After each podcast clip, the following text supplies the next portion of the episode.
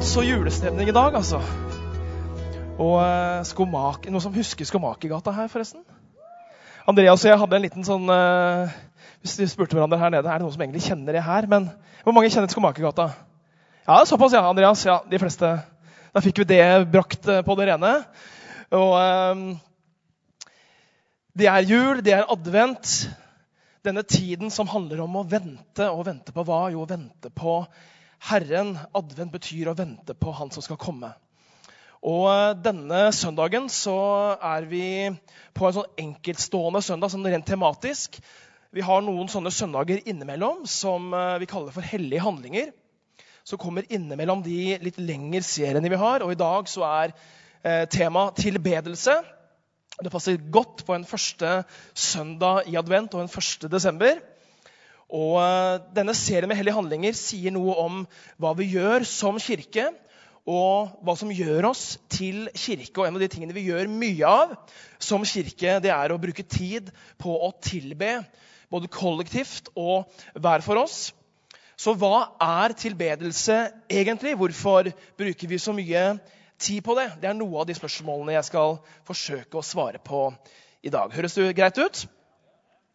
Tilbedelse er et tema som de fleste av oss har en oppfatning om. og Det gjaldt også den jenta jeg møtte etter et møte som dette for noen år siden.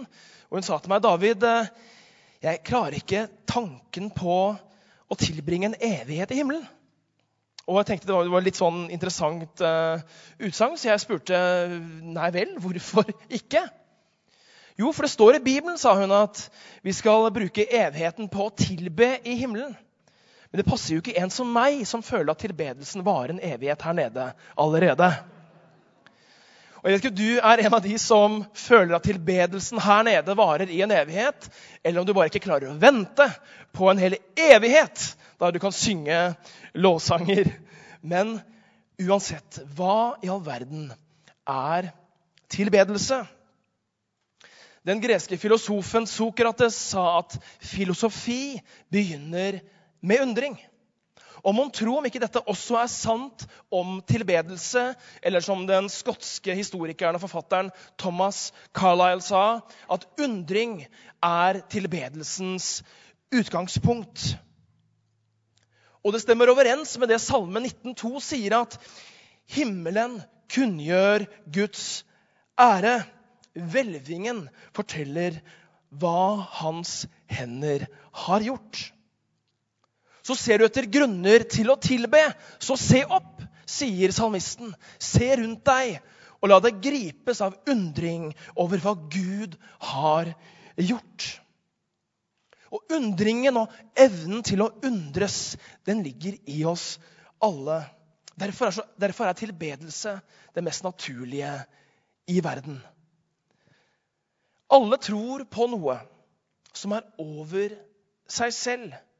Også de som hevder at de ikke tror på noe.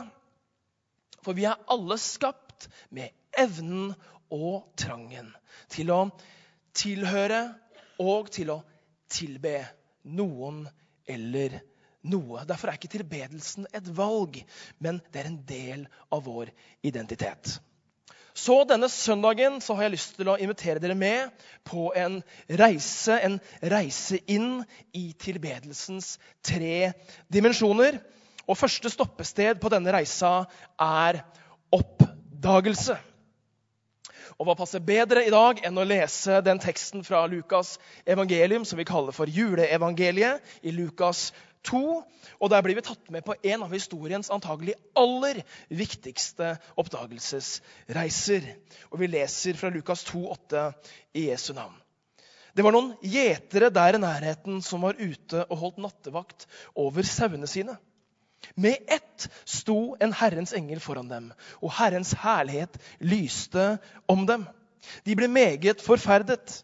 Men engelen sa til dem, 'Frykt ikke, jeg kommer til dere med bud om en stor glede.' En glede for hele folket. I dag er det født dere en frelser i Davids by. Han er Kristus, Herren, og dette skal dere ha til tegn. Dere skal finne et barn som er svøpt og ligger i en krybbe. Med ett var engelen omgitt av en himmelsk hærskare, som lovpriste Gud og sang. ære være Gud i det høyeste, og fred på jorden blant mennesker som har Guds velbehag. Da englene hadde forlatt dem og vendt tilbake til himmelen, sa gjeterne til hverandre, la oss gå inn til Betlehem for å se dette som har hendt, og som Herren har kunngjort oss. Hva var det gjeterne sa til hverandre? Jo, de sa, la oss gå for å se.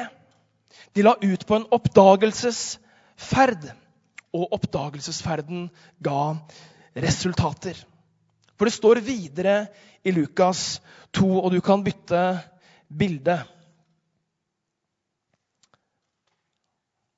Den funker ikke. Det er greit. Da går vi videre uten bilde. Der står det nemlig i vers 16.: De skyndte seg av sted, og de fant Maria og Josef og det lille barnet som lå i krybben.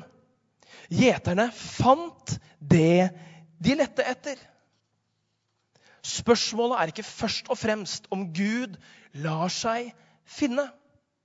Men spørsmålet er om vi er villige til å gå for å finne. Og det faktum at Gud valgte seg en stall på denne jorda som det første stedet der han hvilte, det forteller oss at Gud ikke bare lar seg finne, men han lar seg finne i det ordinære. Og slik er det fortsatt. Ja visst kan vi finne Gud i det mirakuløse og høre Gud tale til oss. Men i Guds rike så finner vi som oftest det ekstraordinære skjult i det ordinære. Det vi så lett går forbi, det vi knapt legger merke til, og det vi tenker er altfor alminnelig til at det kan være Gud. Vi mennesker er skapt som oppdagere. Og det merker man allerede fra et barn er ganske lite. Et lite barn som ligger der i begynnelsen av sitt liv og ligger stille og kikker på deg og ligger liksom i vogga og ikke gjør så veldig mye ut av seg. Og så skjer det noe når de blir rundt liksom, ni, åtte, ni måneder gamle og nærmer seg et år. De begynner å krabbe, de begynner å gå, de begynner å utforske. De krabber, de kryper, de klatrer. Så tenker du i all verden, åssen skal det gå? Og jeg har eh, tre gutter selv og har vært gjennom denne greia ganske mange ganger. Og vært ganske bekymra noen ganger for hvordan skal det gå med høye sofaer og trapper og alt det som er en potensiell fare for et sånt lite barn. Og uh, Vår eldste gutt Lukas han uh, var litt frustrert når han var litt mindre. Han var litt frustrert over en av sine yngre brødre som ikke var helt i stand til å, til å oppføre seg som han burde, da, ifølge han. Og så sa han uh, til meg, 'Pappa, det er ikke lurt å få barn'. Og det skal jeg kanskje være enig med henne i. vi mennesker, vi er oppdagere. Bare se på historiens store oppdagere. Den trangen til å gå bortenfor det ukjente og oppdage nytt land, nye ting, nye smaker, nye impulser. Og alt dette bunner i at vi mennesker har en evne til å forestille oss det som enda ikke er synlig. En evne til å drømme opp en bedre verden og se for oss en bedre framtid. Og det er en evne vi deler med Gud selv. Hebreerne 11,3 sier i tro forstår vi at verden er skapt ved Guds ord, og at det vi ser, har sitt opphav i det usynlige. Michelangelo er renessansekunstneren som er opphavet til noen av vår histories aller mest fantastiske kunstverk. Og vi kan nevne bl.a. Davidstatuen i Firenze eller taket i Det sextinske kapell i Vatikanstaten.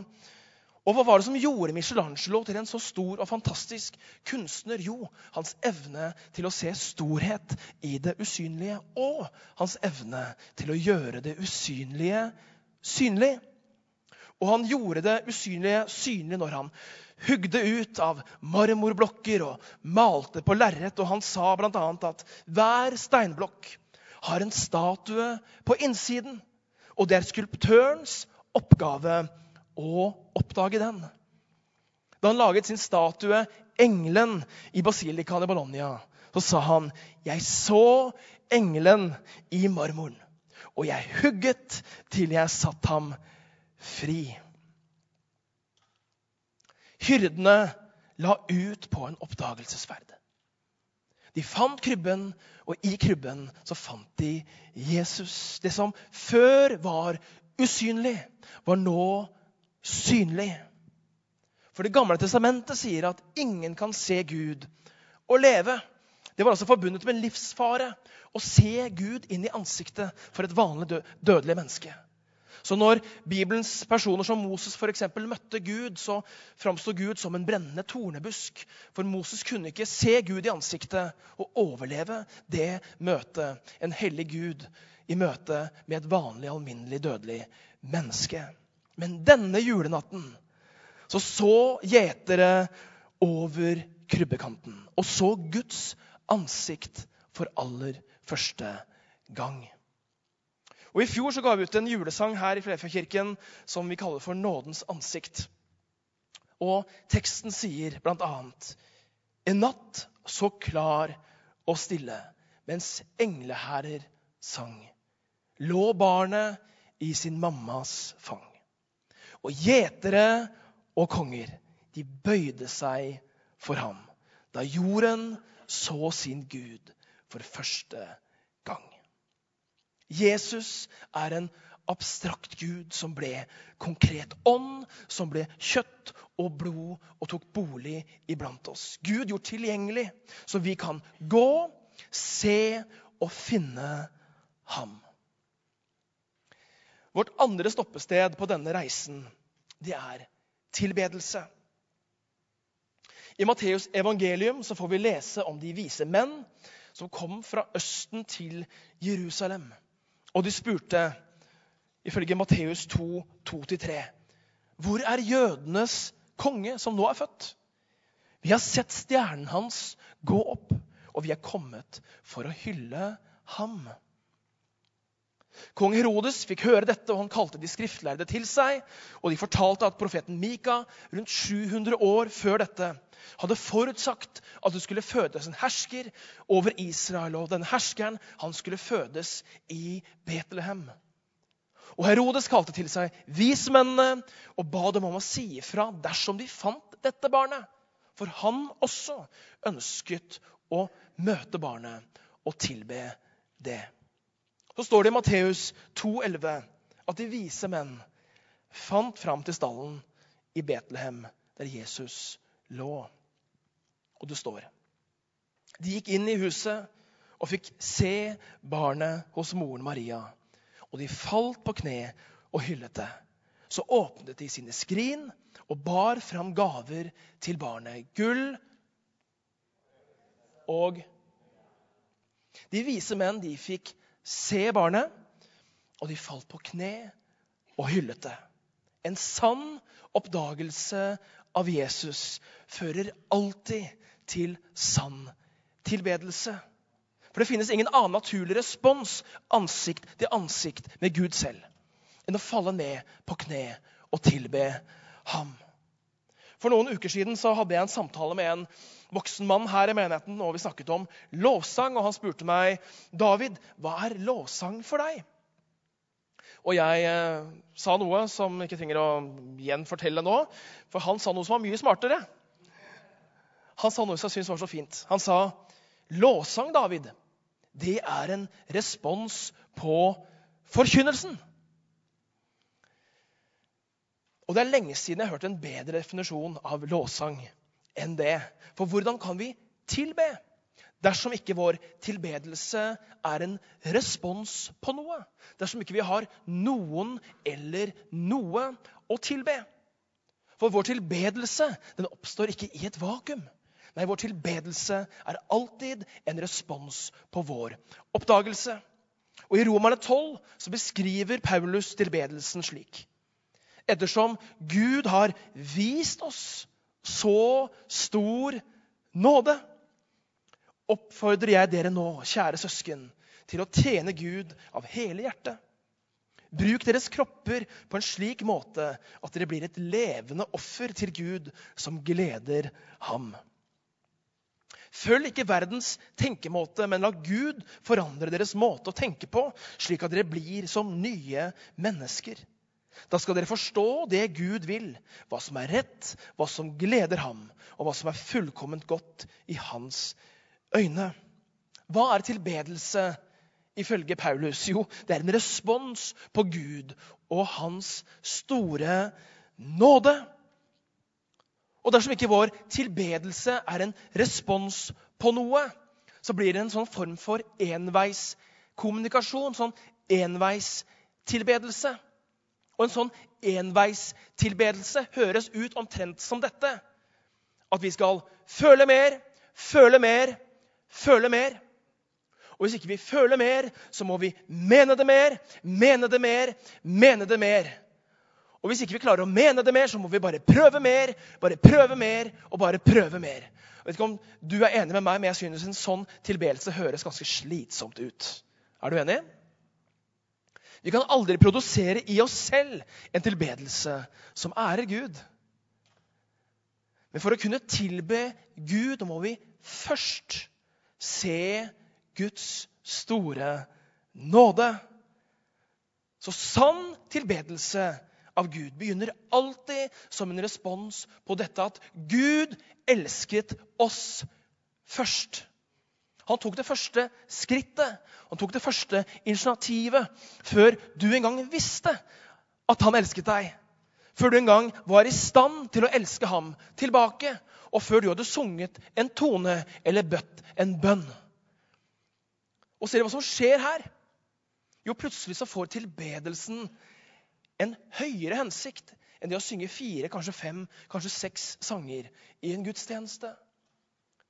Og Det betyr ikke engang hvilke sanger du synger, eller hvor mye du eller jeg føler at vi klarer å mene det. For lovsang og tilbedelse oppstår aldri i et vakuum. Det oppstår som en respons på noe annet, noe annet som allerede er gjort klart for oss. De vise menn de fant Jesus. De fant han i krybben. De så ham. De tilba ham. De bar fram sine gaver for ham. Men hva skjedde med Herodes? Han hadde bedt de vise menn om å si fra til ham hvor Jesus befant seg, så han også kunne tilbe Jesus. Men de vise menn de luktet fare. De skjønte det var ugler i mosen. Og de valgte en annen vei hjem, så de slapp å møte Herodes og slapp å fortelle ham hvor Jesus befant seg. Men hvorfor luktet de fare? Og hvorfor frata Herodes den åpenbare gleden det ville være for ham å møte Jesus personlig og kunne tilbe ham selv?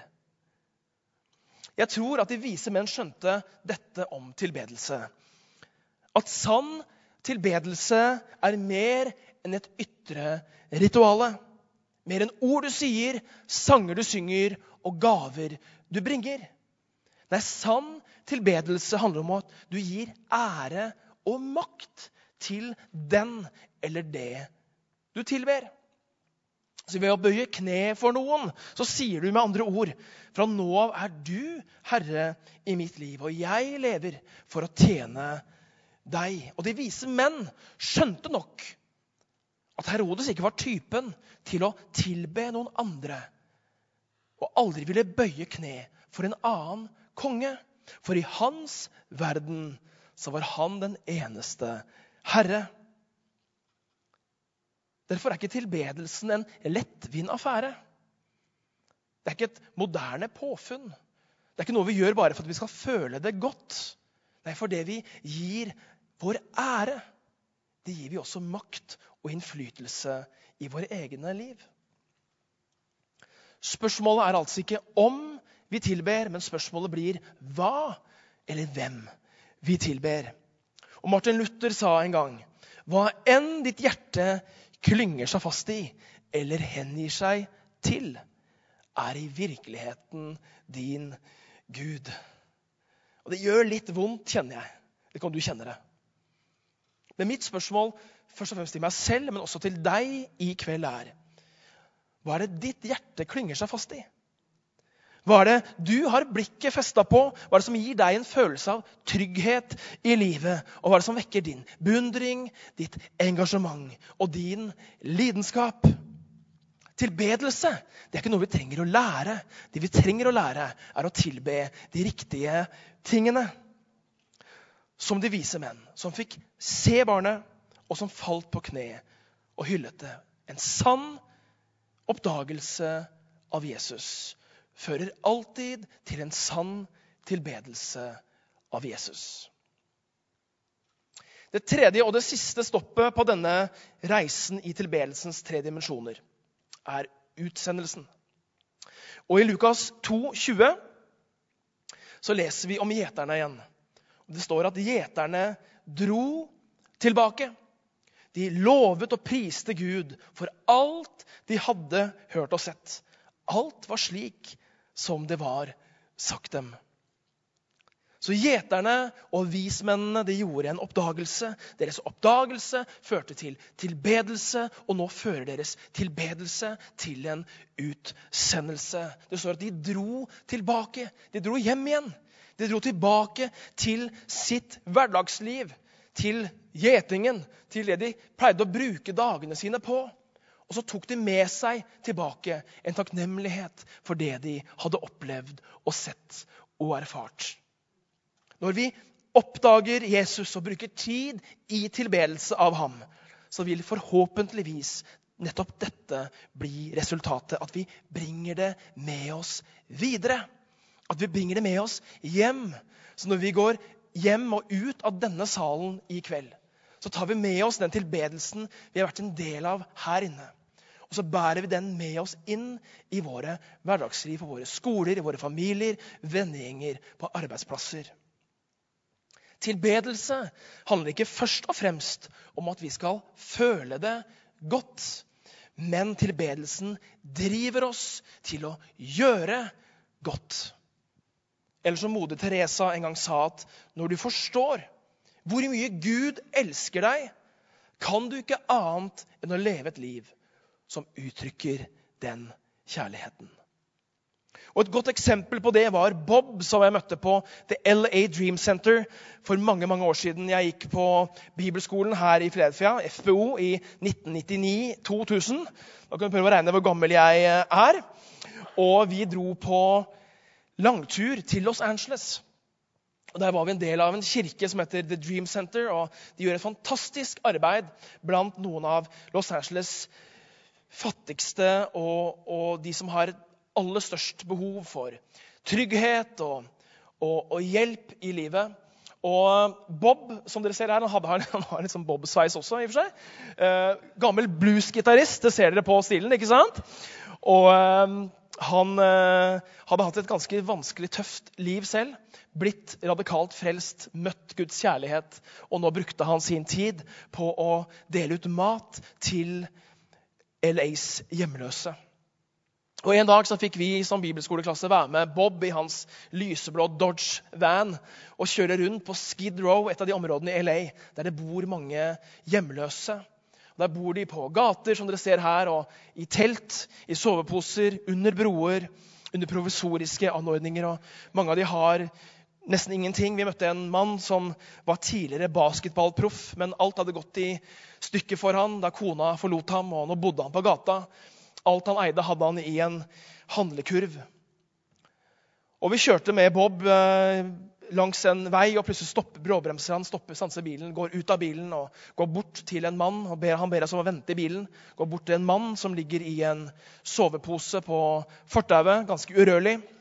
Og vi ser at Bob desperat forsøker å få kontakt med mannen og forsøker å gi ham litt å spise. Men mannen nekter å ta imot. Så legger Bob igjen en liten Snickers og en liten matpakke. Og Så kommer han tilbake til bilen, oppløst i tårer, og så sier han at den mannen dere akkurat så, han har jeg gitt mat til i flere måneder. Men de siste ukene så har han ikke ønsket å ta imot noe fra meg. For hans eneste ønske er å dø. Og så gråt han. Jeg forsto hvor dette engasjementet og dette hjertet til Bob kom fra da jeg søndagen etterpå så han spille bluesgitar i lovsangsteamet på The Dream Center. Og Vi har fantastiske lovsangere og musikere her i Filefjellkirken. helt fantastiske. Men jeg vet ikke om jeg har sett en gitarist som noen gang har spilt hjertet sitt ut på den måten som jeg så Bob gjorde da han vrengte gitaren i låssangen. Med et stort smil om munnen og tårer i øynene så tilba han Jesus Kristus. Både med handlingene sine og med låssangen og musikken sin. Han var en sånn person som moder Teresa snakker om. Som ikke kunne gjøre noe annet enn å leve et liv som uttrykte den kjærligheten han selv hadde erfart. Hvis jeg hadde spurt deg Foretrekker du at en mor, far, kjæreste, ektefelle, venn, kollega forteller deg hvor viktig du er for dem? Eller foretrekker du at de viser deg hvor viktig du er gjennom handlingene sine?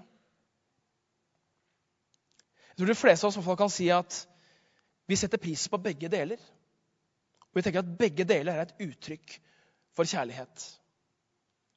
Og Hvis jeg hadde spurt deg hva slags tilbedelse tror du er viktigst for Gud? At vi ærer ham med sangene vi synger og ordene vi bruker? eller tjener ham med handling?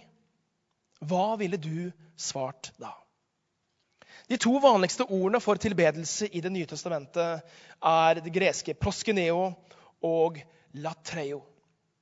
Proskeneo brukes 61 ganger og betyr bokstavelig talt å bøye seg i ære. Det ordet ble bl.a. brukt når Jesus møtte kvinnen ved brønnen. Det andre ordet, latreo, brukes 22 ganger, og det betyr å tjene. To ord som begge ord uttrykker tilbedelse. Det ene betyr ære, og det andre betyr tjene. Og tilbake til spørsmålet jeg stilte nettopp. Hva slags tilbedelse tror vi at Gud vil ha? Våre ord, vår ære eller våre handlinger, vår tjeneste? Jeg tror at Gud ønsker begge deler. For det å være et autentisk menneske handler om at våre ord henger sammen med våre handlinger. Vi kan ikke ha det ene uten det andre. Paulus skriver dette om tilbedelse. La Kristi ord få rikelig rom hos dere. Undervis og rettled hverandre med all visdom. Syng salmer, viser, åndelige sanger til Gud av et takknemlig hjerte. Så Paulus sier ja, syng sammen. Syng sanger når dere møtes. Er Gud med stemmene deres, ordene deres, sangene deres. Men så fortsetter han. Og la alt dere sier og gjør, skje i Herren Jesu navn, med takk til Gud, vår Far. Ved ham la alt, ikke litt, ikke noe, ikke nesten, men la alt dere gjør, skje i Herren Jesu navn, med takk til Gud, vår Far. Ved ham. Alt er tilbedelse, sier Paulus. Alt du gjør, alt du sier, er potensielt en handling av tilbedelse. Ord og handling henger sammen. Og nå Kritikken mot lovsang har jo vært at hvorfor skal man bruke så mye tid på å sitte inne i et fint menighetslokale og synge sanger til Gud når det er mange mennesker i vårt land som ikke vet hvem Jesus er? Og jeg tenker Det er ikke noen motsetning mellom å synge sanger og det å fortelle og dele sin tro med andre. For tilbedelsen den handler ikke først og fremst om at vi skal føle det godt. Men tilbedelsen driver oss til å gjøre godt. Derfor er det ikke bortkastet tid å tilbe eller synge sanger når vi kommer sammen. For vår tilbedelse fører til vår utsendelse. Så til slutt, hva lærer juleevangeliet oss om tilbedelse? Jo, at vår tilbedelse ikke må være endimensjonal. En tilbedelse som handler om hva du og jeg føler i øyeblikket eller får til. Men at vår tilbedelse må være tredimensjonal. En tilbedelse som begynner med oppdagelsen av Jesus. En tilbedelse som blir en respons på den oppdagelsen og at tilbedelsen til slutt resulterer i utsendelsen. Og Her har vi også gudstjenesten i et nøtteskall. Hvorfor feirer vi gudstjeneste? Jo, når vi kommer inn disse dørene, så kommer vi inn fra våre liv. Vi bærer med oss det vi har i livet vårt av gode ting og mindre gode ting. Og så kommer vi inn i et rom der vi hjelpes til å løfte perspektivet og se et annet perspektiv enn det vi noen gang klarer å se selv. Vi møter andre mennesker som også bærer sine liv med seg. Og så kan vi sammen tilbe Gud med én stemme og hjelpes til å se opp ifra oss selv og opp på en stor Gud. Gjennom oppdagelsen av Jesus i forkynnelse, i bønn, i tilbedelse, så vekkes vi. Og våre hjerter vekkes til tilbedelse av Jesus Kristus. Og så sendes vi ut. Vi sendes ut i vår hverdag for å uttrykke den tilbedelsen gjennom ord og gjennom gjerning. I dag er det første advent, første søndag i advent. Og eh, vi går som kirke inn i en bønn- og fasteperiode. Og jeg har lyst til å utfordre deg helt til slutt til å bruke denne adventstiden til å, om det er mulig, i all eksamensstress og gaveinnkjøp, roe litt ned.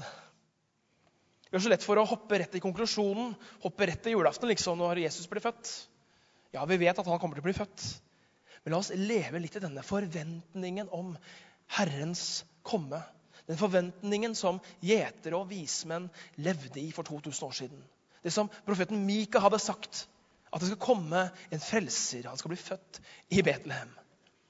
Og La oss leve de nærmeste dagene litt i denne forventningen og på en reise som begynner i undringen over hvor stor Gud er. Hans skaperverk, hva han har gjort, og hvem han er. En reise som begynner i undring og slutter i beundring i krybberommet, der vi kan få lov til å møte Jesus ansikt til ansikt, som den som kom til oss. Gud gjort konkret. Ånd som ble kjøtt og tok bolig midt iblant oss. Nå skal vi straks høre en sang. Og refrenget går som følger. I nådens ansikt har vi sett en Gud som stråler kjærlighet. For Jesus Kristus synger vi ære være, ære være